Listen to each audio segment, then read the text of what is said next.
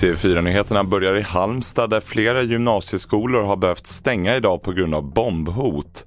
Det började med att Sturegymnasiet evakuerades på förmiddagen då hot riktats mot skolan via en tidning.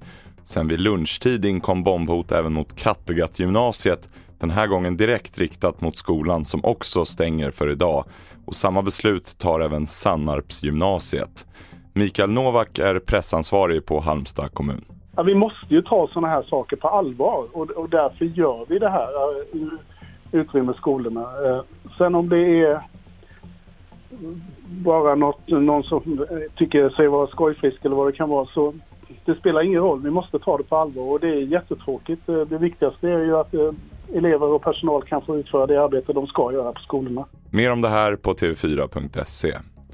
Storbanken SEB har sedan i förmiddags teknikstrul med inloggning på appen och internetbanken. Efter lunch meddelade banken att felsökningen fortfarande pågår och att den fått indikationer på att vissa kunder har lyckats logga in. Det är fortsatt varmt för årstiden och solrekord har slagits på många håll i södra delarna av landet.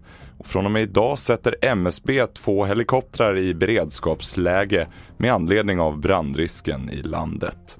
Fler nyheter finns på tv4.se. Jag heter William Grönlund.